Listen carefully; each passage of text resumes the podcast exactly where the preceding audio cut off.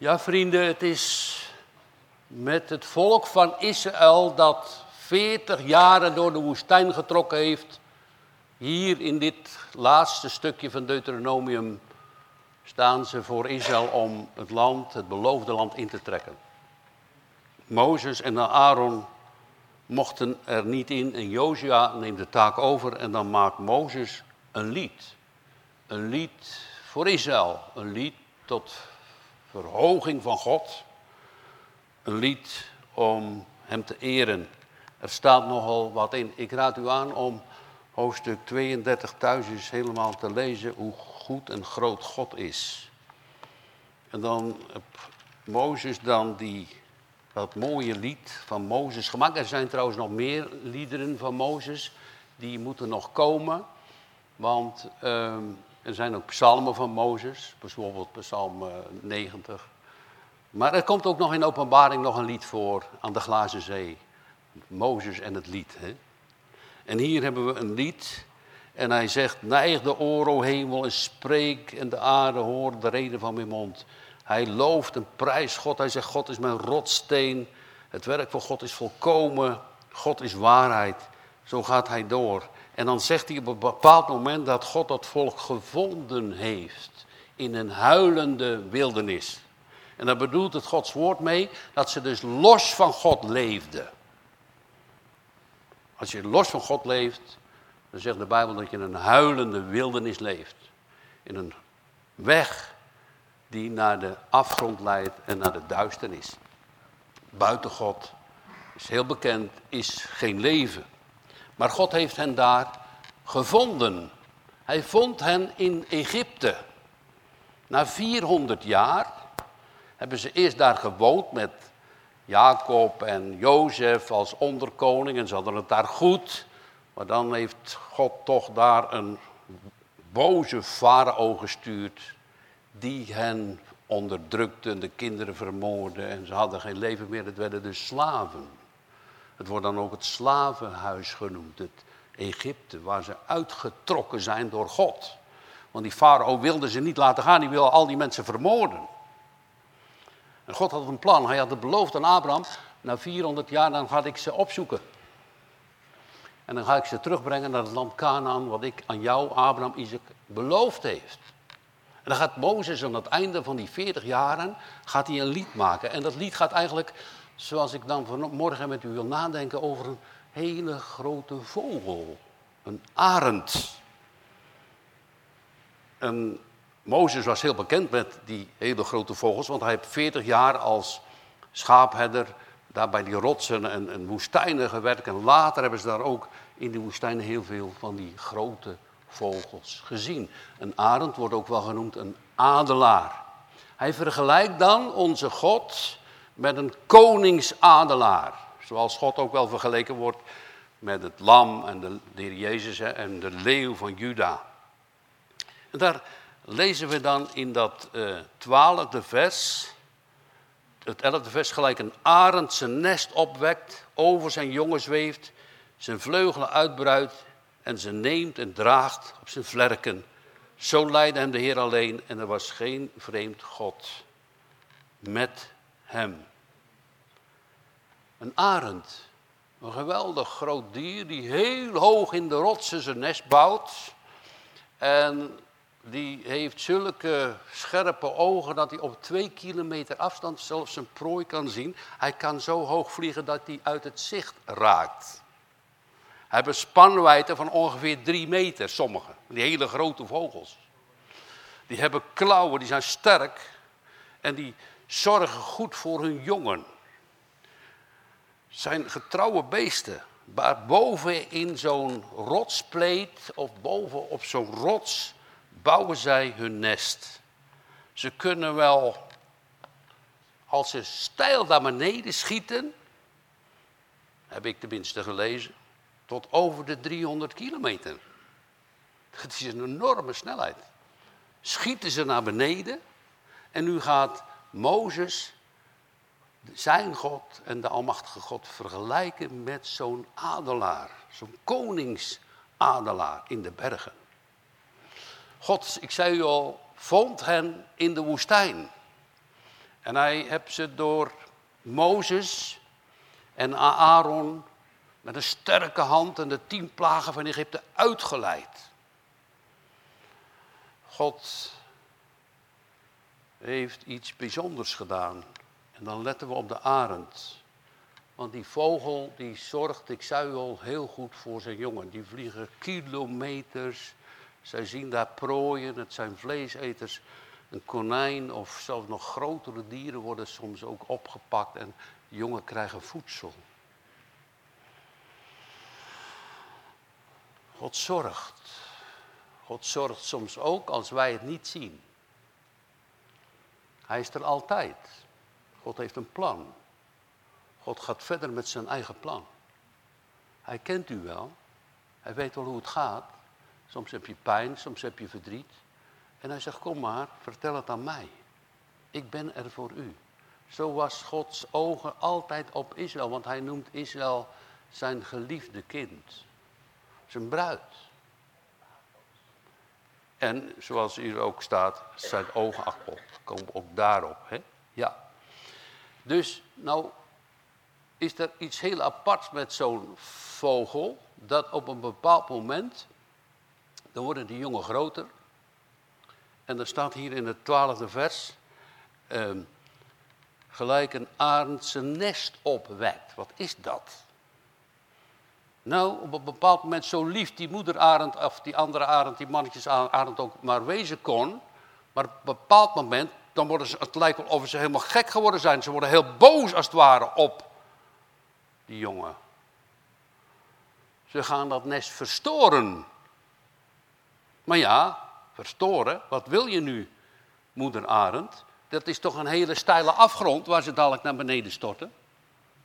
Kunnen ze nu al vliegen? En die gaat dat nest verstoren, en die gaat zo tegen de tekeer. En op een bepaald moment vliegt hij nog weer weg. En soms blijft hij drie, vier dagen weg. denk, nou, zou zo'n beest verongelukt zijn? Is die dood? Nee, hij geeft geen voedsel en geeft geen eten drie, vier dagen. Waarom niet? Want als die beesten dadelijk moeten gaan vliegen, met zo'n volle buik, dan storten ze helemaal snel naar beneden. Dat, dat, dat, dat is mooi als je dat kan lezen. Dat wist, dat wist Mozes. Die had het allemaal gezien. Daar toen in die bergen, over die arend. Wat die arend ook allemaal deed. En op een bepaald moment, dan komt die vogel aan en die gaat dat nest verschudden. Dan denk je, wat is dit toch? Dat is toch geen moeder arend meer? En zo staan wij ook vaak als God aan ons leven gaat schudden. Waarom? Waarom, heren, doet u dat? Waarom gaat u aan ons leven schudden? Dat het heel moeilijk wordt, of pijnlijk wordt, of verdrietig wordt. Waarom doet u dat? Nou, daar gaat het natuurlijk om, wat Mozes hier zegt. hij, hij, die, die, dus die arend die komt op een bepaald moment terug. Zo'n kolossaal beest. En, en, en, dan, en dan gaat hij dat hele nest heen en weer schudden. En zo was het ook met de kinderen Israëls. Ze hadden het verschrikkelijk moeilijk. En dan komt God met Mozes en Aaron. En ze hebben daar, ze hebben daar uh, in, in, in Egypte zoveel wonderen gezien van de Allerhoogste God. Hagelstenen, luizen, en God die kon dat hele nest opschudden. Ze hadden het niet meer. Later hebben ze ook gezegd, ze hadden wel veel liever bij die vleespotten van Egypte willen blijven. God deed het in hun ogen altijd verkeerd. Misschien herkenbaar in uw leven. Dat je zegt, moet het nou en waarom toch zo? Waarom is het allemaal zo moeilijk? Waarom heb ik zoveel pijn en waarom heb ik zoveel verdriet? Er zit een reden achter bij God en daar wil ik het met u over hebben. Waarom is het allemaal zo? Zo moeilijk soms, zo pijnlijk, zo verdrietig, zo'n groot gemis. Als er dus aan je leven geschud wordt en plotseling ben je ziek geworden. Of er wordt aan je leven geschud. Sommige mensen zijn failliet geraakt. Of er is een breuk in de familie gekomen. Soms gebeurt het ook, zoals wij pas hebben meegemaakt, dat een van je geliefden moet sterven. Zomaar plotseling weggenomen. God schudt God aan dat nest. Waarom? Roepen de mensen. Waarom is dit? Wat doet u God? Dan roep je het uit, God slaat mij. Uh, Rut zei, Naomi zei, nadat ze terugkomt met haar man verloren, twee zonen verloren. De Allerhoogste heeft me bitterheid aangedaan. Gaat ze terug. Waarom? Wat wil u God? Nou, we moeten in de geschiedenis, en, en, en dan neem ik even een, een, een, een, een gedachte die bij God heel heilig is.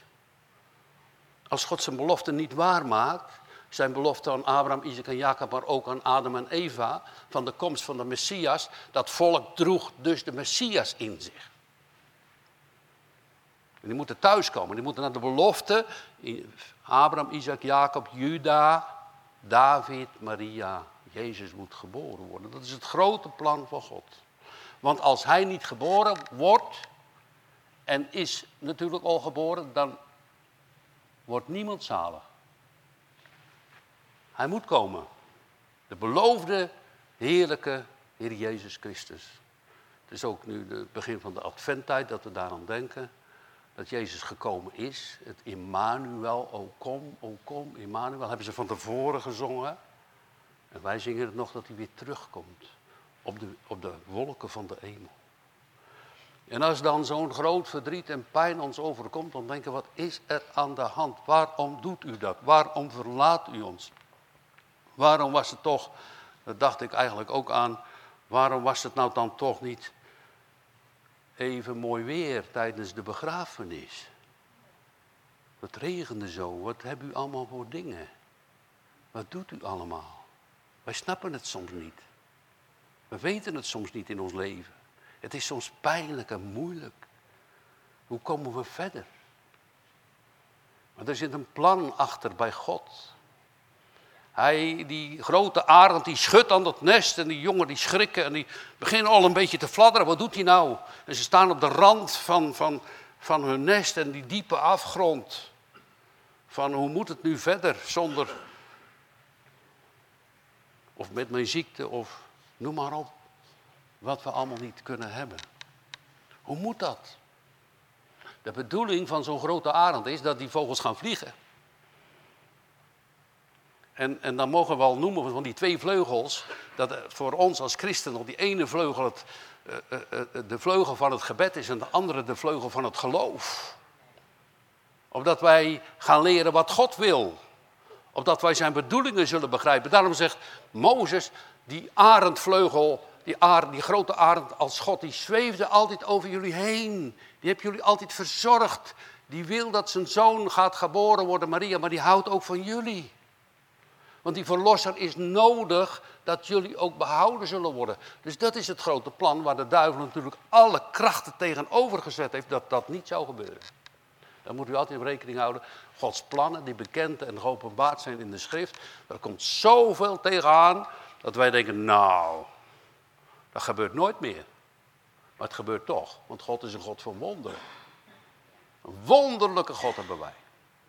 Die spreekt en het is er. Hij gebiedt en het staat er. Hij roept de dingen die niet zijn alsof ze waren. En dan gaat zo'n, zo'n ja maar stel je voor, ja die, die, vogels willen er eigenlijk helemaal niet uit, uit dat nest. Maar dat nest is inmiddels in de loop der tijd helemaal een vies nest geworden. Het is eigenlijk die wereld. God komt op bezoek. Willen jullie liever in Egypte blijven? Wil je liever in de zonde blijven leven? Wil je je niet bekeren? Nee, ik blijf liever maar in dat nest. Had God dan die boom schudden? Ik blijf daar liever maar buiten God, want het is hier toch goed genoeg zo. Dat stinkt in zo'n nest. En je raakt, je raakt dus buiten God.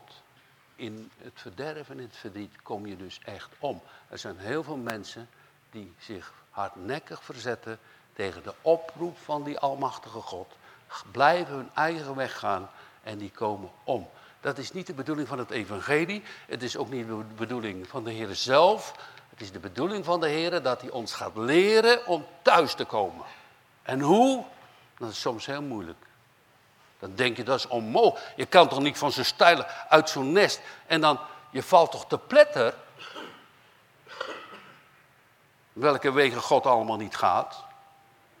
Dan weet je wat er dan gebeurt, hè? Hij blijft net zo lang aan het rommelen en aan het duwen dat die vogel eruit valt, die vogels vallen eruit, dan gaat er eentje valt naar beneden, die stort naar beneden. En die probeert nog wat te, fladderen. En die, en die arend die is zo snel, hè? die grote arend. Weet je wat hij doet? Hij, ziet het. Hè? En gaat het? Gaat hij? Zou hij vliegen? Zou hij vliegen? Op die vleugels? Nou, nee, nee, nee, nee. Hij redt het niet. Weet je, hij stort neer. En dan schiet hij eronder. Bom. Dat staat hier. Dan schiet hij onder die arend, die valt niet dood. Nee, hij vangt hem op op zijn vleugels. En dat is natuurlijk mooi als je daar een beetje onderzoek naar doet. En zegt, nou, er zijn van die vogelliefhebbers die weten daar nog veel meer van. Maar dat is een prachtig beeld van Jezus Christus. Moet u voorstellen, toen ze dan uitgeleid zijn uit Egypte. Daar komen ze toch voor een onmogelijkheid. Aan weerskanten de rotsen van Pihagirot, daar konden ze echt niet opklimmen. Met de vrouwen en de kinderen helemaal niet. En achter kwam de vijand en voor hen was de Rode Zee. Zeg tegen de kinderen Israëls dat ze voortrekken. Ik kreeg die woorden ook gisteren. Ik was ook beneden alle moed. God zegt, zeg tegen de kinderen Israëls dat ze voortrekken. Je moet verder gaan met Gods werk. Zeg dat ze voortrekken. Je moet maar luisteren wat hij wil. En als je dan, als je dan dat beeld neemt van dat zo'n arendvleugel, zo'n zo, zo snelle moederarend onder dat jong duikt. En dat het jong niet te pletter valt. Heeft Jezus niet gezegd, ik ben de weg, de waarheid en het leven? Als ze dan door die Rode Zee gaan, waar lopen ze dan over? Over de weg toch, over Christus, als het ware. Moet je kijken wat, wat, wat God allemaal voor dat volk gedaan heeft en wat hij allemaal niet voor ons gedaan heeft. En welke liefde dat hij voor ons heeft. Dus dan gaan ze over zo'n, ja plotseling is daar een weg. Die weg die was er niet. Er wordt van gezongen in de psalmen. God baande door de woeste baren en brede stromen ons een pad. Ze kunnen verder. Op Gods hulp en dan in Gods kracht. En dan wordt het soms heel moeilijk in je leven. En dan kan je denken, waar is dit nu voor? Dan heeft God een plan om ons te redden. En dat we niet om, omkomen. Dat we niet van die steile rots af zouden vallen. Maar dat hij alles al in gereedheid heeft gebracht. Wat een koning, wat een heerlijke God. Er wordt genoemd hier in dit gedeelte dat God inderdaad wat al net genoemd is. Dat hij het volk ziet als een oogappel. Als je dit leest, nou de Israëlieten waren echt niet zo mooi en goed hoor. Ze hebben God verlaten. Ze hebben hem onrecht aangedaan. Ze hebben hem veracht en ze wilden weer terugkeren. God heeft heel veel verdriet gehad en Mozes en Aaron moest dat volk leiden door de woestijn. En toch is God altijd weer terug. Je kan altijd bij hem terecht. Hij is zo vol van liefde. Wanneer kunnen wij christen blijven? Nou, dat is heel moeilijk, want heel de wereld trekt aan je. En soms dan, uh, ja, dan heb, je ziekte of ellende of rouw of verdriet. Ja, nou, uh, het eerste, dat komt ook onder ons voor hoor. Dat moet u echt niet doen. Dus iemand zegt bijvoorbeeld, nou, dan heb ik het zo moeilijk, nou ben ik uh, verkouden en ik kan niet naar de kerk. Maar maandagochtend kunnen ze wel naar, naar, de, naar de Lidl bijvoorbeeld. Ik kan nou echt niet naar de kerk hoor. Maar je gaat wel je ramen zemelen. Ja. Weet je, dus het zijn zo'n flauwekulverhalen. Als dat het hoogste is in je leven, dan ga je toch met elkaar die God zoeken.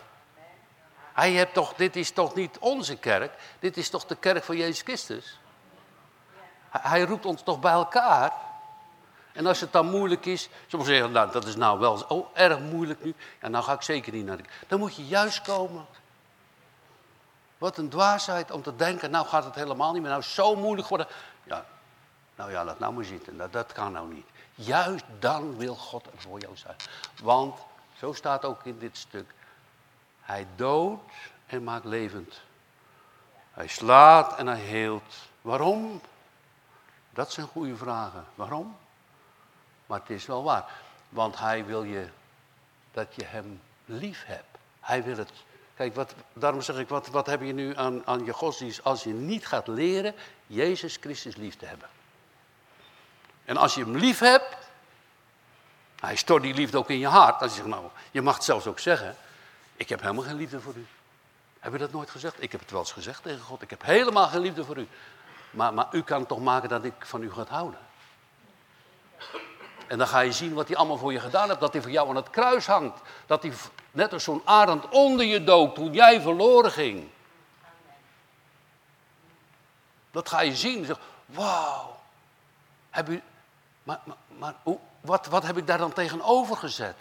Als ik dat dan in, in, in een gebaar of in een gave zou moeten geven, dan is het juist negatief voor God geweest. En toch ging hij door.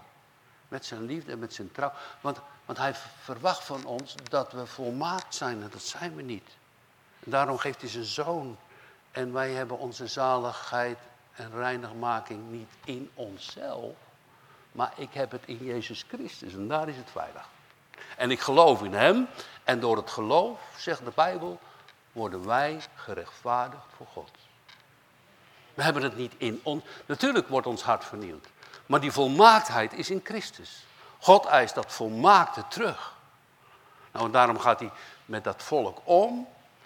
Eh, als een arend, hij zweeft over hen. Zeker omdat zijn zoon geboren moet worden, maar hij houdt ook van die mensen.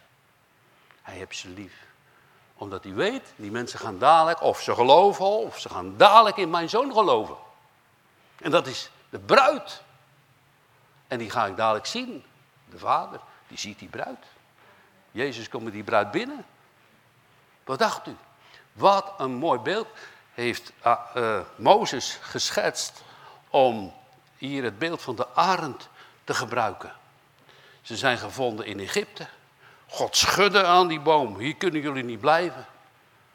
Ja, wat een ellende, wat een nood is er geweest. Op de rand van de afgrond, vrienden. Als je hier zo'n streepje hebt en stel je voor, dit is een hele afgrond. Lopen heel veel mensen heel makkelijk zo. Niks aan de hand. Eén stapje die kant en ze storten neer. Dat hoeft niet. Die vogel is er. Die grote arend. Die grote God die ons wil helpen. Die ons voor de eeuwigheid bewaart. Die ons lief heeft. Die ons niet in de hel wil laten storten. Maar die ons wil laten inslapen. Zoals Doentje. Een zegen als je dat mag ontvangen. Van Hem, Zijn liefde en Zijn trouw. Wij prediken opdat wij die weg van Christus zullen vinden, vervolgen en daarin volhouden. Leest u hoofdstuk 32 van Deuteronomium helemaal door, kan ik er geen centimeter boven dat volk uitkomen. Nou, er staat nogal wat, hè? Ja. Want hier staat bijvoorbeeld in vers 28, want ze zijn een volk dat door raadslagen verloren gaat en er is geen verstand in hen. Ziet nu dat ik, ik die ben en een God met mij, ik dood en maak levend, ik versla en heel. En er is niemand die uit mijn hand redt. Niemand redt de ander uit de hand van God. Maar Gods hand is niet om ons, zoals Naomi moet zeggen, de Allerhoogste heeft mij bitterheid aangedaan. En dat is natuurlijk ook zo als je man daar in dat Moab en die twee zonen daarachter moet laten. Maar dan wordt door Rut de Moabitische, uit dat geslacht wordt Jezus geboren. Waardoor we allemaal behouden kunnen worden. Niet alleen de Joden, maar ook wij.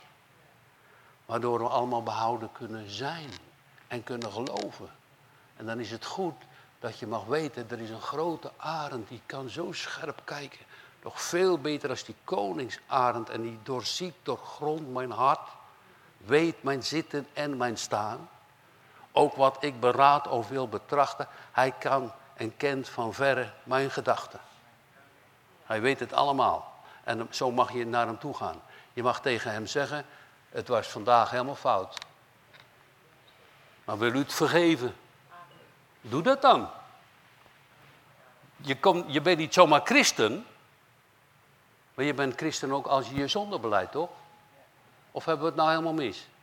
Je bent toch christen als je gaat vertellen, Heer, dit was niet goed. Mijn weg was niet goed. Maar u vond mij in de wildernis, een huilende wildernis. U had me lief. Zou ik hem dan niet volgen?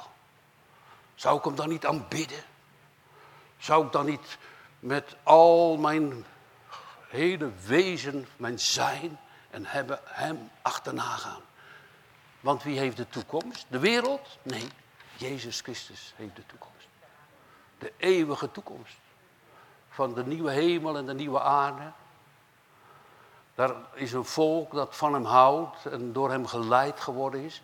Wat zijn dat daar voor mensen dan daarboven? Oh, dat waren allemaal hele goede mensen. Ze hebben heel goed geleefd, ze waren heel netjes. Ja, maar dat zou best kunnen, maar volgens de Bijbel waren het verloren mensen hoor. Ze waren afgedwaald. Ze kenden God niet. Lees alsjeblieft thuis die hele hoofdstuk door. Dan gaat u zien wie wij zijn als mensen. We zijn niet beter.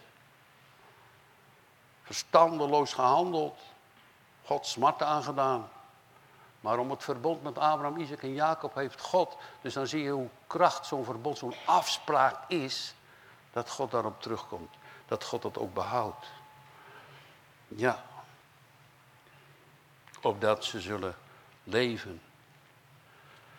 Ja, en als zo'n jong arend uh, moet gaan vliegen en fladderen en vliegen,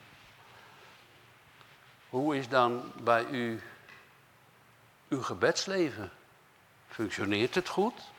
En uw geloofsleven? Functioneert het goed bij u? Dat, die vragen mag ik u stellen, omdat u daarover nadenkt. Dat u zegt, ja nou ja, kijk, eh, of, of, staat dat helemaal stil? Zegt u, ja nou ik ben nu zo, het, ja ik bid niet en, en, ik geloof, dat is ook nu moeilijk. Ja, kan het zo zijn dat zo'n arend je nest opschudt. En dat hij zegt, je moet eruit. En dan wordt het soms eens moeilijk en pijnlijk in je leven. En dan denk je, wat is dit? Schudt hij je nest op. Hij verstoort dat nest. Eruit. Allemaal liefde van God. Ja, je moet het zo gaan leren zien hoor. Het is liefde van God als hij je uit het nest werpt. En dan zo er overheen vliegt. Redt hij het nou? Bidt hij ook? Gelooft hij ook? Nee, hij stort naar beneden. Hij gaat eronder. Zo. Zo geweldig hè. Wat een God wij hebben. Wat een kracht hij heeft. Wat een wijsheid, wat een liefde en wat een trouw. Hoe groot hij is. En, en, en dan zou je kunnen denken, nou ja, je zou natuurlijk kunnen denken, als je, als je dan jong bent, ja, dat, is wel een mooi verhaal met die, met die arend, hè? dat is heel mooi. En hoe die vliegt en wat er allemaal gebeurt en, en dat dat zijn bedoeling is en dat zo'n zo'n beest echt niet naar. Zou, die dan, zou zo'n arend dan nooit, nooit eens een keer te laat komen? Zo'n vogel valt uit het nest. En stort die, zou die dan. Nou, ik denk het niet. Ik denk het echt niet. Nou ja, één keertje. Eén keertje ging het mis. In die zin mis. En dat was Jezus. Dat was ook op een berg. Golgotha. Toen ging God daar niet onder. En hij werd daar aan dat kruis genageld. En al die pijn en moeite van ons, zegt hij, kom tot mij, alle die vermoeid en belast zijn. En ik zal rust geven voor uw ziel. En ik breng dat op het kruis. Eén keer liet die grote arend zijn zoon vallen. En die riep uit op het kruis. Eloi, Eloi, lama sabachthani. Mijn God, mijn God waarom heb gij mij verlaten? En dan leren wij en lezen wij dat wij nooit meer verlaten zullen worden. Wat een trouw, wat een kracht, wat een heerlijke naam om hem te volgen. Het, het is toch niet saai, om hem te volgen? Nee, hè? Nee. Nee. Het is juist zo mooi. Maar het is soms ook wel moeilijk. Het is soms ook wel pijnlijk. Maar wat staat er nu van iemand die God dient en vreest? Dan zegt de Bijbel, ziet op de vrome en let op zijn einde. Want het einde van die man zal vrede zijn. Het staat in de Bijbel dat niemand zonder heiligmaking God zou zien. Nou, dat betekent dus dat je al die goddeloze dingen daarvan verlost wordt. Daarom bidden wij ook en slaan wij die vleugels uit van geloof. Red ons Heer der Heren. Maar er staat ook nog iets voor. Dat ook zonder de vrede en de heiligmaking, dat hoort erbij. En nou heb ik me daar wel over verbaasd. Over broeder Doentje die gescholden werd en niet terugschold. En de Heer Jezus heeft eigenlijk de Heer Jezus daarin gevolgd.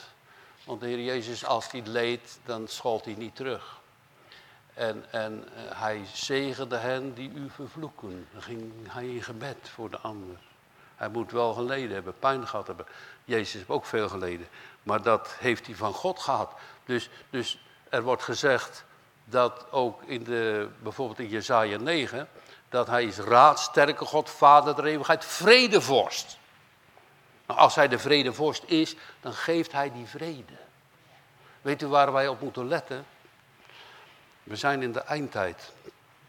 Er komt dadelijk een engel met een groot zwaard. Van die engelen, hè? Die neemt de vrede weg. Zo. Als de vrede bij ons weg is, wat dan? Dus we moeten maar die vleugels gebruiken van gebed. Kort bij de Heer Jezus leven, opdat we toch die vrede met elkaar zullen houden en vrede zullen zoeken. En als je vrede zoekt, dan moet je zelf vaak ook het onderspit delven. Dan moet je maar laten gebeuren. Dat is lastig, we kunnen dat niet. Dan mag je mee naar God gaan. Dus willen wij God zien, dat is heiligmaking, maar dat is ook vrede. Vrede met God in de eerste plaats, maar ook vrede met uw naaste. Zover het kan. Wat ga je dan leren? Dan ga je leren om je vijanden. Er zitten hier onder ons mensen die hebben moordenaars van familieleden vergeven. Dat kan door de kracht van God. Dat kan door zijn grote en heerlijke naam, door die grote arendsvleugels en die heerlijke woorden en zijn evangelie van Jezus Christus, die gezegd heeft, één keer niet. Hij stortte neer voor mij. Dank u, Vader, voor uw Zoon, Jezus Christus. Als je op zo'n grote zaligheid geen acht geeft, dan heb je geen offer of geen rantsoen meer over dan Hem alleen. Er blijft in onze kerk, ik hoop het ook echt, geen andere naam over dan Jezus Christus. Is één redder Jezus Christus. Is één behoud Jezus Christus. Er is één weg, de waarheid en het leven Jezus Christus.